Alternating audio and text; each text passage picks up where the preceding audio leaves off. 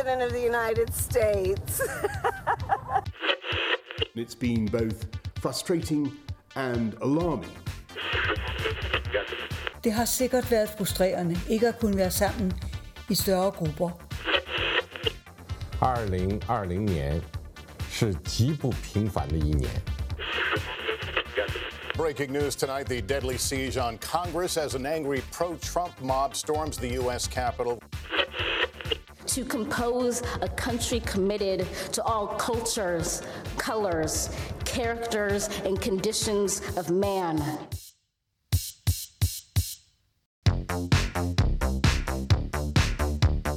Góðan dag, kæru hlustendur, þeir eru að hlusta á heimskviður. Ég heiti Guðmundur Björn Þorbirsson. Og ég heiti Birta Björstóttir. Í heimskviðum er fjallaðum það sem gerist ekki á Íslandi. Í þættinum í dag ætlum við að fjalla um hriðjuverk annars vegar og tónlist hins vegar. En í síðar hluta þáttarins minnust við þess að í vikunni voru 27 ár frá því að tónlistamæðurinn og forsprakki hljómsöldarinnar Nirvana, Kurt Cobain, lést 27 ára að aldri. En við byrjum í Afríku. Já, því að minnstakosti 80 sakleysir borgarar hafa verið myrtir af íslensku hriðverkasamtökunum Boko Haram í norður hluta Kamerún síðan í desember á síðasta ári. Samtökin komust í heimsfréttinnar fyrir nokkrum árum þegar leiðsmenn þeirra rændu tefnilega 300 skólastúlkum í Tíbok hér í Níkeri í april 2014. Frá 2013 hafa yfir 2 miljónir rakist frá heimilum sínum af óta við samtökin og yfir 20.000 manns hafa verið myrt af leiðsmönnum samtakana. Stjórnvöld hafa síðustu ár haldið því fram að samtökin væri að syngja sitt síðasta en morð alda síðustu mánaða bendir til annars. Hvað er Boko Haram og hvers vegna gengur svona illa að hveða samtökin í kútin?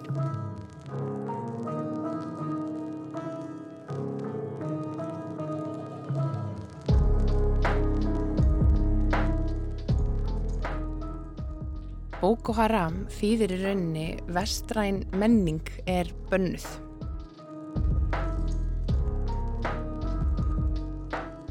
Vestræn menning er döðasind sem er í rauninni svona grundvallar uh, þáttur í hugmyndafræði Boko Haram að, að losa nýgeri við utanakomandi áhrif frá vestrættin menningu og, og byggja þar upp betra Íslam eða hreitna ómengara Íslam.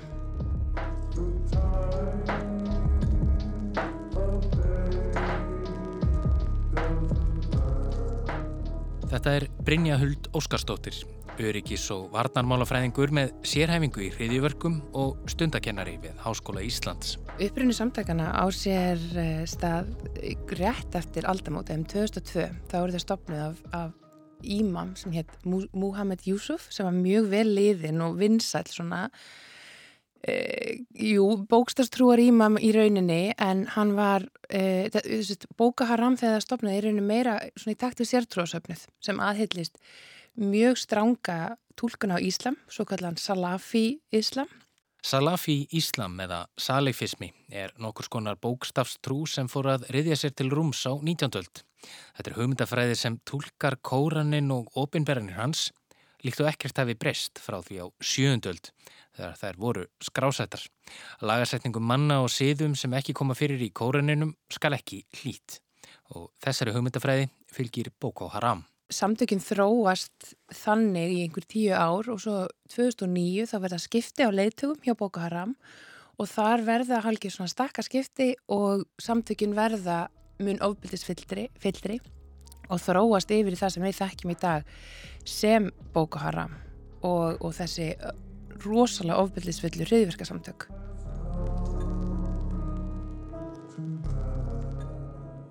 Mohamed Yusuf var drepin í júli 2009 og við stjórnartaumunum tók Abu Bakar Shekau, náinn samstagsmaður Yusuf til margara ára.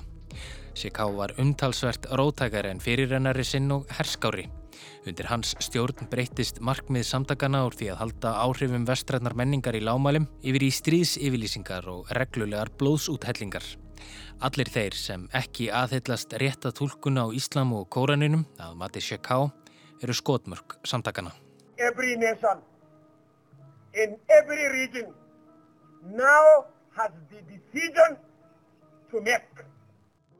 Hér heyru við myndbandsuptöku af Shekou. Ekki er vitað nákvæmlega hvenar þetta er tekið upp en líklega fljótlega eftir að hann tók við völdum af Mohamed Yusuf. Hver þjóð á hverjum stað þarf að taka ákverðun, segir hann. Annarkvort eru þið með okkur, bætir hann við, alvöru muslimum.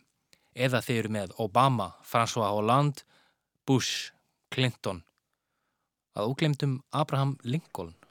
Either you are with us, I mean real Muslims whom are following Salaf footsteps, or you are with the Obama, Francois Holland, George Bush, Bush, Clinton. I forgot not Abraham Lincoln. Og við alla heiðingja og trúlausa segi ég drepa, drepa, drepa, drepa. And any unbeliever this, this, this, this, this is a tawhid. Að endingu bætir Abu Bakar Shekou við að Boko Haram sé í stríði við alla kristna menn. This war is against Christians. I mean Christians generally.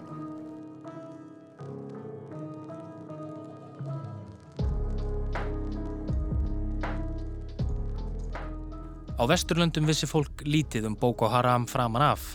Það átt eftir að breytast árið 2014 þegar liðsmenn samtakana rendu 274 skólastúlkum í Chibok hér aði í norðurluta landsins. Heimurinn stóð á endinni. Children in Nigeria are being abducted from schools, often hundreds of boys and girls at a time. More than 300 schoolgirls have been kidnapped. Young school kids have become bait. Það voru svona alls konar ólíki þættir af verkum þar. Annars var voru þetta stúlkur sem voru að sækja mentun sem að undir sem sagt, þessari salafi tólkun sem Boko Haram fylgir er bannað. Konur er ekki að hljóta mentun og sérstaklega ekki vestræna mentun Og, og það sem var annað sem var í gangi hérna og sem hefur kannski ekki verið talað mikið um er að þarna var, uh, voru nýgerisk yfirvöld að herja á uh, konur og dætur Boko Haram liða uh, bæði að herja á þær að reyna að draga þær út úr samtökunum og að fangilsa þær. Og þetta var svolítið svona mótsvar Boko Haram við því, bara já ok, ætli þið að hérna, herja, reyna að telja konunum okkar, telja konunum okkar trúum að að hætta að vera konur okkar eða stíð út á samtökunum, þá gerum við þetta. Michelle Obama, þá er endi fórsetafrú bandaríkjana, fór meðal annars fyrir herrferð þar sem samtökin voru kvött til þess að skila stúlkunum heim til sín. 2014 var sannarlega árið sem Boko Haram var á allra vörum. Það voru sérst, þeirra staðstu árásir, þeir reyndu þessum stúlkum og fengu bara mjög mikla fjölmila aðtegli og þetta var staðist ár í döðsföllum hjá Boko Haram. Þarna letist um tæplega 7000 manns af völdum Boko Haram sem hefur síðan sem betur fyrir minga jamt og þjætt og mm, svona cirka núna á ári hverjur þeir kannski valda 1000 til 1100 döðsföllum af völdum hriðiverka ára þessa.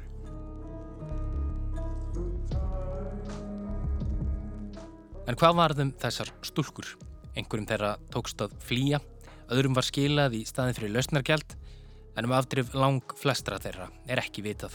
Því miður bara sannleikur sá, svo stór hluti þessum stúlkum var kannski bara seldur í einhvers konar kynlífstrælkun eða ánuð annarkvört innan Boko Haram eða til annara íslamskra uppreysnahópa á stór nýgurju svæðinu eða á stór nýgurju nýsér tjata svæðinu.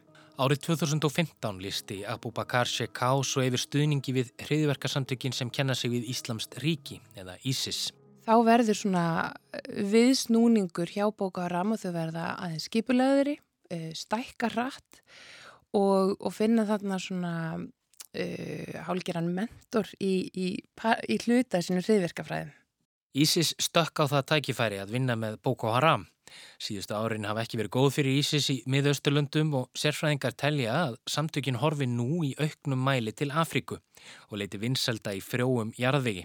Jarðvegi sem meðal annars Boko Haram hefur sáði. Sko það má alveg segja það að sko Afrika sé núna hálfgeir svona líflína fyrir Íslamska ríkið og eins og nefnir réttilega þá hefur Íslenska ríkið minkað svona hérna stærð, í stærð og öðru, sérstaklega í Sýrland og Írak undarfærin ár og það eru ákveðin svæði í Afriku, sérstaklega kringum Sahel, á, hérna, á landamæru Mali og Burkina Faso, það eru mjög stórir íslenskir hópar, að, að, íslenskir uppreysnar hópar og ofbildis hópar að festa sig í sessi.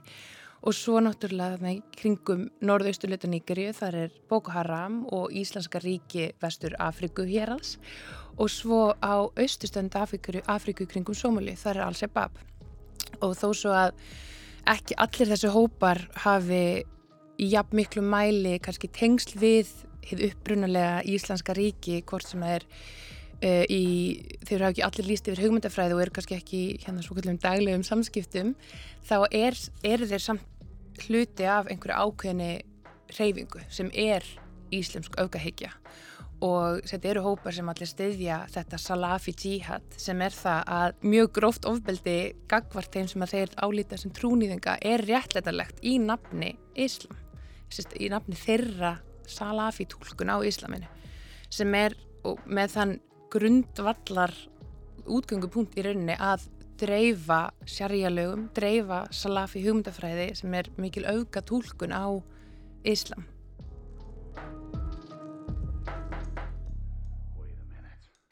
Brynja nefndi áðan réttilega að Boko Haram starfar ekki aðeins í Nýgeríu þótt samtökinni í rætur sína rekja þangað og megin þorri voðaverka þeirra að fari fram þar. Boko Haram eru fyrst og fremst virk í Nýgeríu og yfir 85% þeirra árása og, döðs, og döðsfalla völdum þeirra þeim árásum gerast eða eru innan Nýgeríu en þau eru í norðausturluta Nýgeríu í fylki sem heitir Borno og það er á landamærum Nýgeríu, Níger, Tjad og Kamerún sem er stutt við uh, vatn sem maður kannski er auðvelt að finna á landamærum sem er leik Tjad eða Tjadvatn og þau hafa svona, Boko Haram hefur aðeins verið að sækja í sig veðri þarna í kringum þetta átakasvæði rauninni, þú veist, þennan suðu punkt á milli þessara fjögur að ríkja.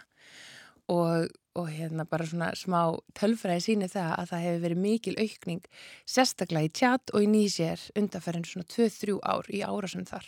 Og nú síðast í Kamerún. Í berjun vikunar greindi mannreittindavakt saminuðu þjóðana frá því að samtökinu er að sækja í sig veðrið nýrst í Kamerún og hafi frá því desember á síðast ári myrtað minnstakosti 80 saklösa borgara og lagt hundruð heimila á svæðinu í rúst. Í februar sprengdi kona og rauðum Boko Haram sprengjubelti um sig miðja með þeim afleðingum að 11 létust í Mosókó héræði. Og þá hefur mannreittindavaktinn undir höndum sannunargögn sem sína hvernig týjir fiskimanna voru drefnir með svefjum og nýfum og aldraður höfðingi tekin af lífi fyrir framann fjölskyldu sína. Rannsóknir á glæpum Boko Haram á svæðinu benda þó til þess að dánartalan sé mun mun herri. Á meðan stjórnvöld í Kamerún og sveitarstjórnir í norðurluta landsins sérstaklega halda því fram að Boko Haram sé að líða undir lok og syngja sitt síðasta verðast atbyrðir síðustu vikna og mánada benda til annars. En hvers vegna gengur stjórnvöldum, hvort sem það eru hérastjórnir í norðurluta Nígeríu eða landstjórnir í Tjad, Níger eða Kamerún, jafn illa að koma leiðtugum samtakana bak við lás og slá eðli hriðiverka þannig að hriðiverkahópurinn er svo, það sem myndum segja að vera svona hérna, uh, veikur gerandi eða veikur leikmaður og ríki er sterkjaðalinn en styrkleiki hriðiverkana er sá að, að, að þeirra sem að framkvæmur hriðiverk er að þau násand að hafa gífuleg áhrif á þennan sterka leikmann sem að ríkið á að vera. Og það sem er einkennandi fyrir þessu löndarna sérstaklega kringum tjatvatn er að þetta eru mjög svona brótættar ríkistjórnir. Eh, það er fátækt í þessum löndum, það eru landamæri sem eru, voru dregin upp af frökkum, breytum og þjóðverum á sínum tíma og eru þvert á þjóðurnisópa og það vantar í rauninu kannski allt samstilt átak á milli þessara ríkistjórna og það sem að vinnur með Boko Haram og Íslenska ríkinu á þessu, þessu svæði er að þetta er svo hérna, þetta er svo mikið drefbíli og örgisveitnar er ekkert að fara kannski mikið út fyrir borgamörkin á þessu svæði. Og dreifbilið og það sem heitir bara svona rural gorilla fighting er vinnur mjög mikið með reyðverkahópunum að þeir það ekki að landsvæði, þeir vita hvernig fjöldin liggja, þeir vita hvað er hægt að leita skjóls og bara einhvern veginn þú veist, þegar ert ein, einn á ferð á mill einhverja stóra höf, höfborga eða svona héraðsborga þá er svo auðvilt að sitja, sitja fyrir þér. Og, og það er veginn taktik sem vinnur mjög mikið með hriðverkahópum í svona óbyggðum. Ljóstir að eðileggingarmáttur Boko Haram hefur verið gríðarlegur. Brynjöld nefnir að undanfærin tvö ár er Nígeríja í þriðja sæti á þeim vafasama lista hvar flest hriðiverk eru framin á ári hverju á eftir Írak og Afganistan. Ef hægt er að finna einhvern ljósandpunkt á þessari hryllingsóöld er það líklega sá að samtökin hafa klopnað oftar en einu sinni og Abu Bakar Shekau þykir erfiður húsbóndi. Og þótt Íslamska ríkið sé nú komið tærnar inn í Afríku er ólíklegt að nokkur samtök nái viðlíka styrk og Ísis gerði í Sýrlandi og Írak í kringum 2014 og 2015 þá hefur samt ekki orði til þess að verði eitthvað svona svipið svona kalifatt hugmynd eins og var svo sterk í Sýrlanda og Írak á árunum 2014 til svona 2017-18 af því að það er í raunin ennþá það er svo mikil óeining innan hverra samtæka fyrir sig og, og vonandi ef maður getur sagt það, já vonandi verða til þess að það verði ekki jafn rosalega sterkir hriðverkahópar eins og við sáum í Íslandska ríki á þessum árum hérna 2014-15 en, en þessir hópar eru vissulega uppseglingu og þetta er eitthvað sem að Vesturlönd eru klárlega með augun á, frakkar eru með mjög mikla viðveru í Mali, Evrópusambandi líka, eh, bandaríkin voru að veita mikla þróunar aðstöði að byggja upp öryggisveitir á þessum svæðin þó svo þeir hafi dreyið mikið úr því undarfærin ár. Þetta er líka hluti af starri mynd, þó svo þetta sé, jú, bundi við Níkeri og bundi við Tjadva, þá er þetta starri vöxtur á þessum samtökum heilt á litið á þessum þremur líkilsvæði með Afrika. En þá yfir í allt, allt aðra salma. Nú flytja heimskviður ykkur síðbúna minningargrein um Kurt Cobain. Árið 2015 kifti bandaríkjamaðurinn Garrett Kletjan sér peysu. Já, krakka mínir, einmitt svona byrja áhugaverðar sögur. Peysan var endar ekki ný, hún var grá og þvæld. Líktaði ekkert sérstaklega vel. Þetta var neft peisa en á hana vantaði nokkrar tölur. Aug þess voru á henni brunagöð eftir síkaretur. Í öðrum vasanum á peisunni er brún harður blettur, nokkuð sem peisu eigandin Klettian telur að sé annarkvort eftir súkulaði eða ælu. Fyrir þessa ágætu peisu borgaði Klettian hátt í 18 miljónir íslenska króna. Af hverju í ósköpunum kann þú að spyrja þig hlustandi góður? Jú, það er vegna þess að peisan var áður í eigu Kurt Cobain. Þetta er gráa peysan sem hann klættist á órámögnuðum tónleikum Nirvana á MTV sjónvastuðinni um ári áður en hann dó.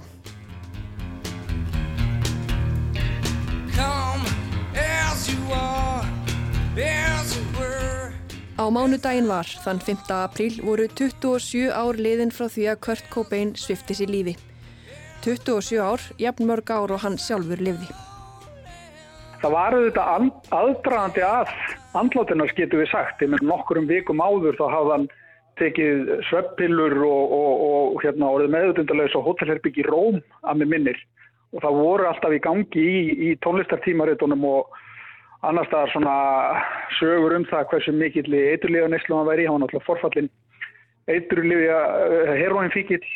Honum leiði alltaf mjög illa Það voru mörg viðvörunarljóð sem að þarna blikkuði en það kannski átti engin að vonaði að, að þetta færi svona og þetta var auðvitað heimsfrétt á einni nóttu og þetta var auðvitað kannski ekki eins og þegar John Lennon var myrtur en, en það, það urðu allir alveg gríðarlega slignir. Þetta var, hann var svo fyrirferða mikill hann Kurt Cobain þótt hann vildi það kannski ekki sjálfur sem einhvers konar ímynd X-kynnslóðarinnar.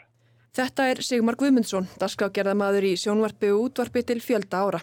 Hann vann nefnitt á útvarstöðunni Exinu, heimavelli Nirvana, þannig að í april árið 1994 þegar fregnindar bárust að því að Cobain var í allur, langt fyrir aldur fram. Það stoppaði ekki símin af fólki sem vildi að við spilum tónlistina. E, fólk var ringja inn mikið til þess að hérna, fá að tjá sig um e, tónlistarmannin. Bara við okkur sem vorum að spila tónlistina, við vorum svona nokkur negin eina útvarstöðin heldur sem vorum að spila þessa tónlista á sín tíma þannig að það það var bara heilmikið uppnám. Menna, er, það, það er kannski erfitt að átta sig á því í dag en hann var svo stort nafn. Hann var, hann var svo mikið ták fyrir, fyrir hérna, heila kynsluð. Kurt Cobain varð 27 ára og bættist þar með í hóp fjölmargra þekta tónlistamanna sem einnig höfðu marka spór sín á tónlistasöguna en horfið af sjónasviðinu 27 ára gömul. Brian Jones, Janis Joplin, Jimi Hendrix og Jim Morrison. Þau fjögur dói öll á tveggja ára tímabili. Jones í júli árið 1969, Joplin og Hendrix árið 1970 og Morrison í júli árið 1971 öll 27 ára. Síðar átti nafn Amy Winehouse eftir að bætast í þessa dapulegu upptalningu.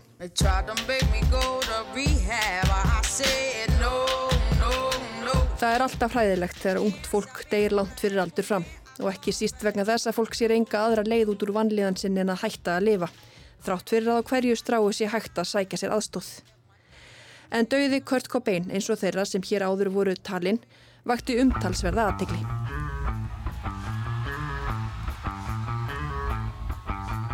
Þremur árum áður en hann lést gaf Kurt Cobain á samti vinum sínum tveimur í Nirvana út plötuna Nevermind sem átti reyndar upphæflega að heita Sheep. Þeir æsku vininir, Kurt Cobain og Krist Novoselic höfðu skömmu áður ráðu til sín enn einn trommarn í tríóðu Nirvana sem þá þegar hafði giðið út eina plötu, Bleach.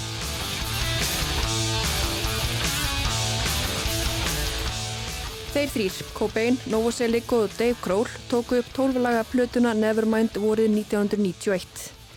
13. aukalægið var reyndar að finna á setni útgáfum plötunar.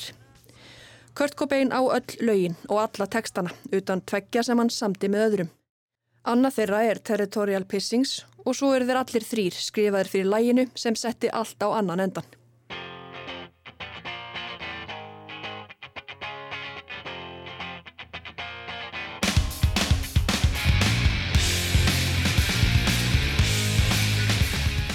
Þetta er svona lag, þú manns hvað þú vastur og heyrðir það fyrst.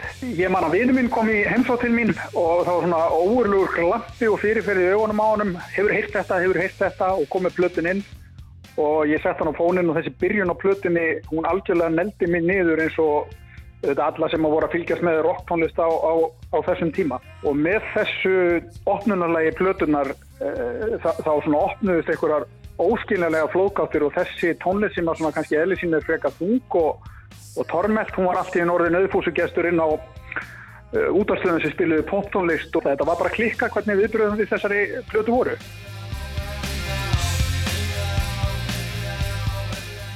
Upplægið átti uppaflega að vera 50.000 geisladiskar og svo átti að sjá til. Til að gera langa sögustutta þurfti að pressa þó nokkur eindög til viðbútar. Nevermind seldist í um 30 miljón eintökum um heim allan og er einn mest selda plata allra tíma. Ég segi til að gera langa sögu stutta en í rauninni er þessi saga ekkit sérstaklega laung. eins og trommarinn Dave Grohl lísti síðar í viðtali á Jimmy Fallon fyrir nokkrum árum.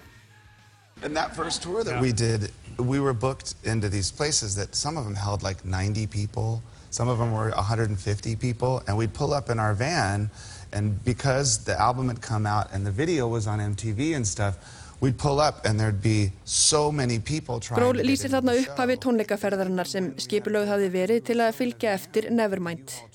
Þeir voru bókaðir á allskynns tónleikastadi, suma sem rúmuðu frá 90 til 150 áhörvendur.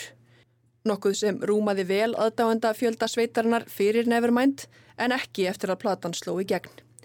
Þegar þeir rendu í hlaða á sendiferðabílnum sem þeir notuðu til að komast á milli tónleikastada, beð þeirra urmulla fólki sem þráði fátt heitarinn að komast á löngu uppselda tónleikana með Nirvana. Þeir Krist Nóaselik voru saman í þessu umræta viðtali. Tilefnið var að Nirvana var að fá pláss í fræðarhöll Roxins. It's, it's, it's, it's also bittersweet too because our friend Kurt's been gone for 20 years and so it's a good way to remember him. Yeah, I mean, is it May, May 5th, right? Is it, yeah. Yeah, he's been 20 years. Nóaselik segir heiðurinn ótvíraðan en að upphefðinni fylgi blendnar tilfinningar. Vinnur þeirra Kurt hafi þarna verið látin í einn 20 ár. Hann ætti að vera hérna með okkur, saði Nóaselik. En Kurt Cobain er ekki lengur hér hvort sem þeim og okkur líkar betur eða verð.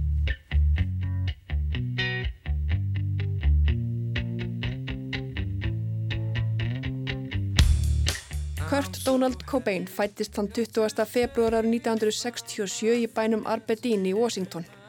Hann kuð hafi verið gladlindur krakki sem hafi gaman að því að teikna. Þegar Kurt var nýju ára skildu fóreldrar hans, nokkuð sem hann sæði síðar að hefði haft umtalsverð áhrif á líf hans og líðan, allar götur eftir það. Hann bjóð til skiptis hjá fóreldrum sínum en átti í stormasöfum samskiptum við þau bæði. Svo mjög að eftir að hafa reyndi í nokkur skipti að búa með þeim til skiptis, flutti hann að eiman, bjóð bæði hjá vinnum og ættingum en hafði stundum í engin húsa að venda.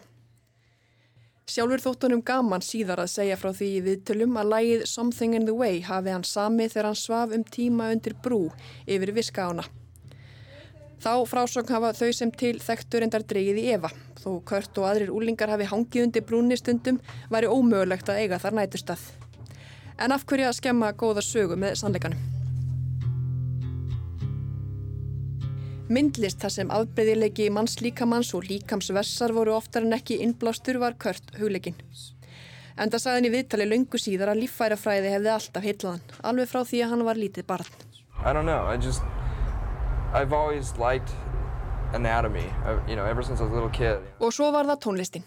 Hann átti í kæristu um tíma, Toby Whale, punk drottningu úr hljómsveit sem kallaðist Bikini Kill. Samband þeirra var kört innblástur við fjölumarga texta á Nevermind. Toby Whale notaði til að mynda svítarleikta eyði sem kallaðist Teen Spirit. Vinkona þeirra krassaði ykkur í sinni á vekkin heima hjá Kurt Cobain. Kurt smells like Teen Spirit. Kurt lyktar eins og Teen Spirit.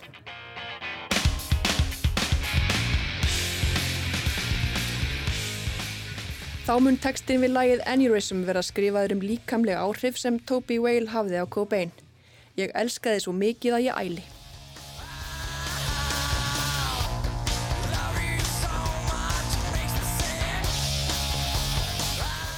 En það var ekki bara sambandi við Toby Whale sem létt Cobain líða líkamlega illa. Hann þjáðist öll sín fullorðins ára af ofsalegum magaverkjum sem fáum læknum tókst að aðstofan við að hveða niður. Hann lísti líðarinni svona í viðtali við MTV sjónastöðuna stuttu áður en hann lést. I was in pain. I mean, I was in pain for so long that I didn't care if I was in a... Ég var svo kvalinn að mér var sama um allt. Mér var meira að segja sama um hvort ég livði eða ekki. Á sama tíma og mér leið þannig var hljómsveitin mín gríðarlega fræg. Vannlíðaninn hafði byggst upp svo lengi að mér langaði hreinlega ekki að lifa lengur.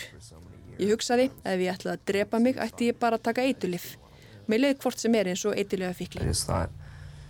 If I'm gonna die, if I'm gonna kill myself, I should take some drugs, you know? may as well become a junkie because I felt like a junkie every day, you know. En það voru ekki bara magaverkinir. Cobain glimti við andlega erfileika sem síst bötnuðu með síaukinni fíknirfnanislu. Kurt átti líka í erfileikum með fræðina. Á meðan hann þráði að slá í gegn og að spóila tónlist sína fyrir heiminn, fyrirleitan marga fylgifiskum fræðarinnar. Eftirlit og óþólandi spurningar fjörmiðlafólks og skoðanir almennings á tónlist þeirra og hegðun og að vera endalust yndur eftir útskýringum á textum sínum sem Cobain sagði oft bara samansapn af ljóðum og einhverju rusli. You know, they always want to read into it and before I was just using pieces of poetry and just, just, garble, just garbage, you know, just stuff that just would spew out of me at the time and a lot of times when I write lyrics it's just at the last second because I'm really lazy. So, and then I'm, I find myself having to come up with explanations for it, you know, so I thought I'd you know. Cobain segist alltaf að vera latur og oft semja texta sína bara á síðustu stundu. Merkingin sé ekki dýbri en það. Síðar hafi hann viljað semja texta þar sem merkingin húr ekkert á milli mála.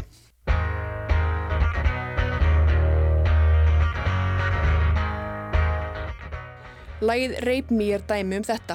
Tekstan átti ekki að vera hægt að miskilja eða snúa út úr. En meira segja þessi fremur auðskilinlegi teksti var tólkaði sem Pilla Cobains á umfjöllunum hann og eiginkona hans Courtney Love í tímaritunni Vanity Fair. Tekstin var kannski auðskilinlegur en lægiði var ekki allra. Nirvana voru eitt aðal númerið á MTV velunaháttíðinni árið 1992. Þar á bæ var hins vegar blátt bann lagt við því að lægið Rape Me erði spilað fyrir óharnaða áhöröndurna. Það þótti Cobain og félögum hans of freistandi áskorun og hófuleika með því að spila upphæfið að læginu. Mjög litlu munaði víst að útsendingastjórar stæði við fyrirmælu um að rjúfa útsendinguna þegar Nirvana skiptu snarlega yfir í lægið Lithium.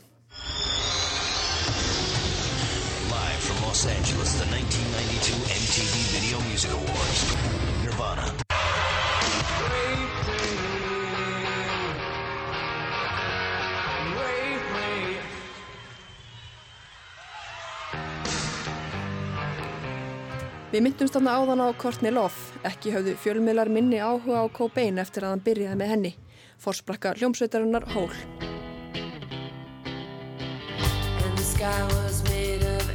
Þau voru kölluð Sid og Nancy í síns tíma. Sid Vicious var bassarleikari Sex Pistols, Nancy Spöndsen var unnusta hans. Þau hefðu líklega seint flokkast með áhrifavöldum sem eru besta útgáðan af sjálfum sér í dag. Þau leku hlutverk andhetjana vel, neittu eitulefja, slóust og gáfu um heiminum fokkmerki. Nancy fannst látin á hótelherbyggi í New York árið 1978. Hún hafi verið stungin í kviðin. Vicious var handtekinn en fór aldrei fyrir dóm. Hann lést úr ofneslu heroins tæpu hálfu ári eftir dauðan hans sér. Heroin kom einnig talsvert við sögu í lífi Kurt Cobain og einnig reyndar Courtney Love. Þau eignuðist dótturina Francis Bean árið 1992 og voru undir ströngu eftirliti barnavendanemdar fyrstu mánuðin eftir að hún fættist vegna eitulefanislu. Kurt saði sjálfur frá því að heroinnið væri það eina sem slægi á tíða og sásökafulla magaverkina. Hann var nokkru sínum endurlífgaður eftir að hafa innbyrt allt of stóra skamta af stundum heroinni og stundum öðrum vímugjöfum. Eftir þrýsting frá sínum nánustu skráði Kurt Cobain inn á meðferðastofnun í Los Angeles í lok mars 1994. Nokkrum dögum síðar straukan þaðan og flög heim til Seattle. Hann ákvaða að stitta jarðvist sína í bílskur við heimilisitt þar sem hann fannst eftir nokkura daga leitt. Eftir stendur tónlistin og arfleiðin. Nafn Kurt Cobains er yðurlega að finna á listum sérfróðra yfir bestu gítarleikara og tónlistamenn sögunar og tónlistinans sömu leiðis og hann skilur eftir sig þetta eh, svona tónlistarverk sem að lifa alveg svakalega góði lífi í dag. Ég menna þegar tónlist er ennþá lífi eftir allan þennan tíma þá er þetta eitthvað merkilegt sem er í gangi. Þetta er líka svona þessi hljómsveit og hann, þau eru þetta bara svona risastórt menningar fyrirbæri og sem slíkt eru áhrifin alltaf mjög mikil. En ég er ekkert einum af það ef hann hefði lifað og þótt hann hefði hægt að semja tónlist en lifað, menn tónlistinans væri á, á, á lífi í dag. En, en, en svona endalög auðvitað magna upp einhverja mysteríu sem að sem að er í kringum hann.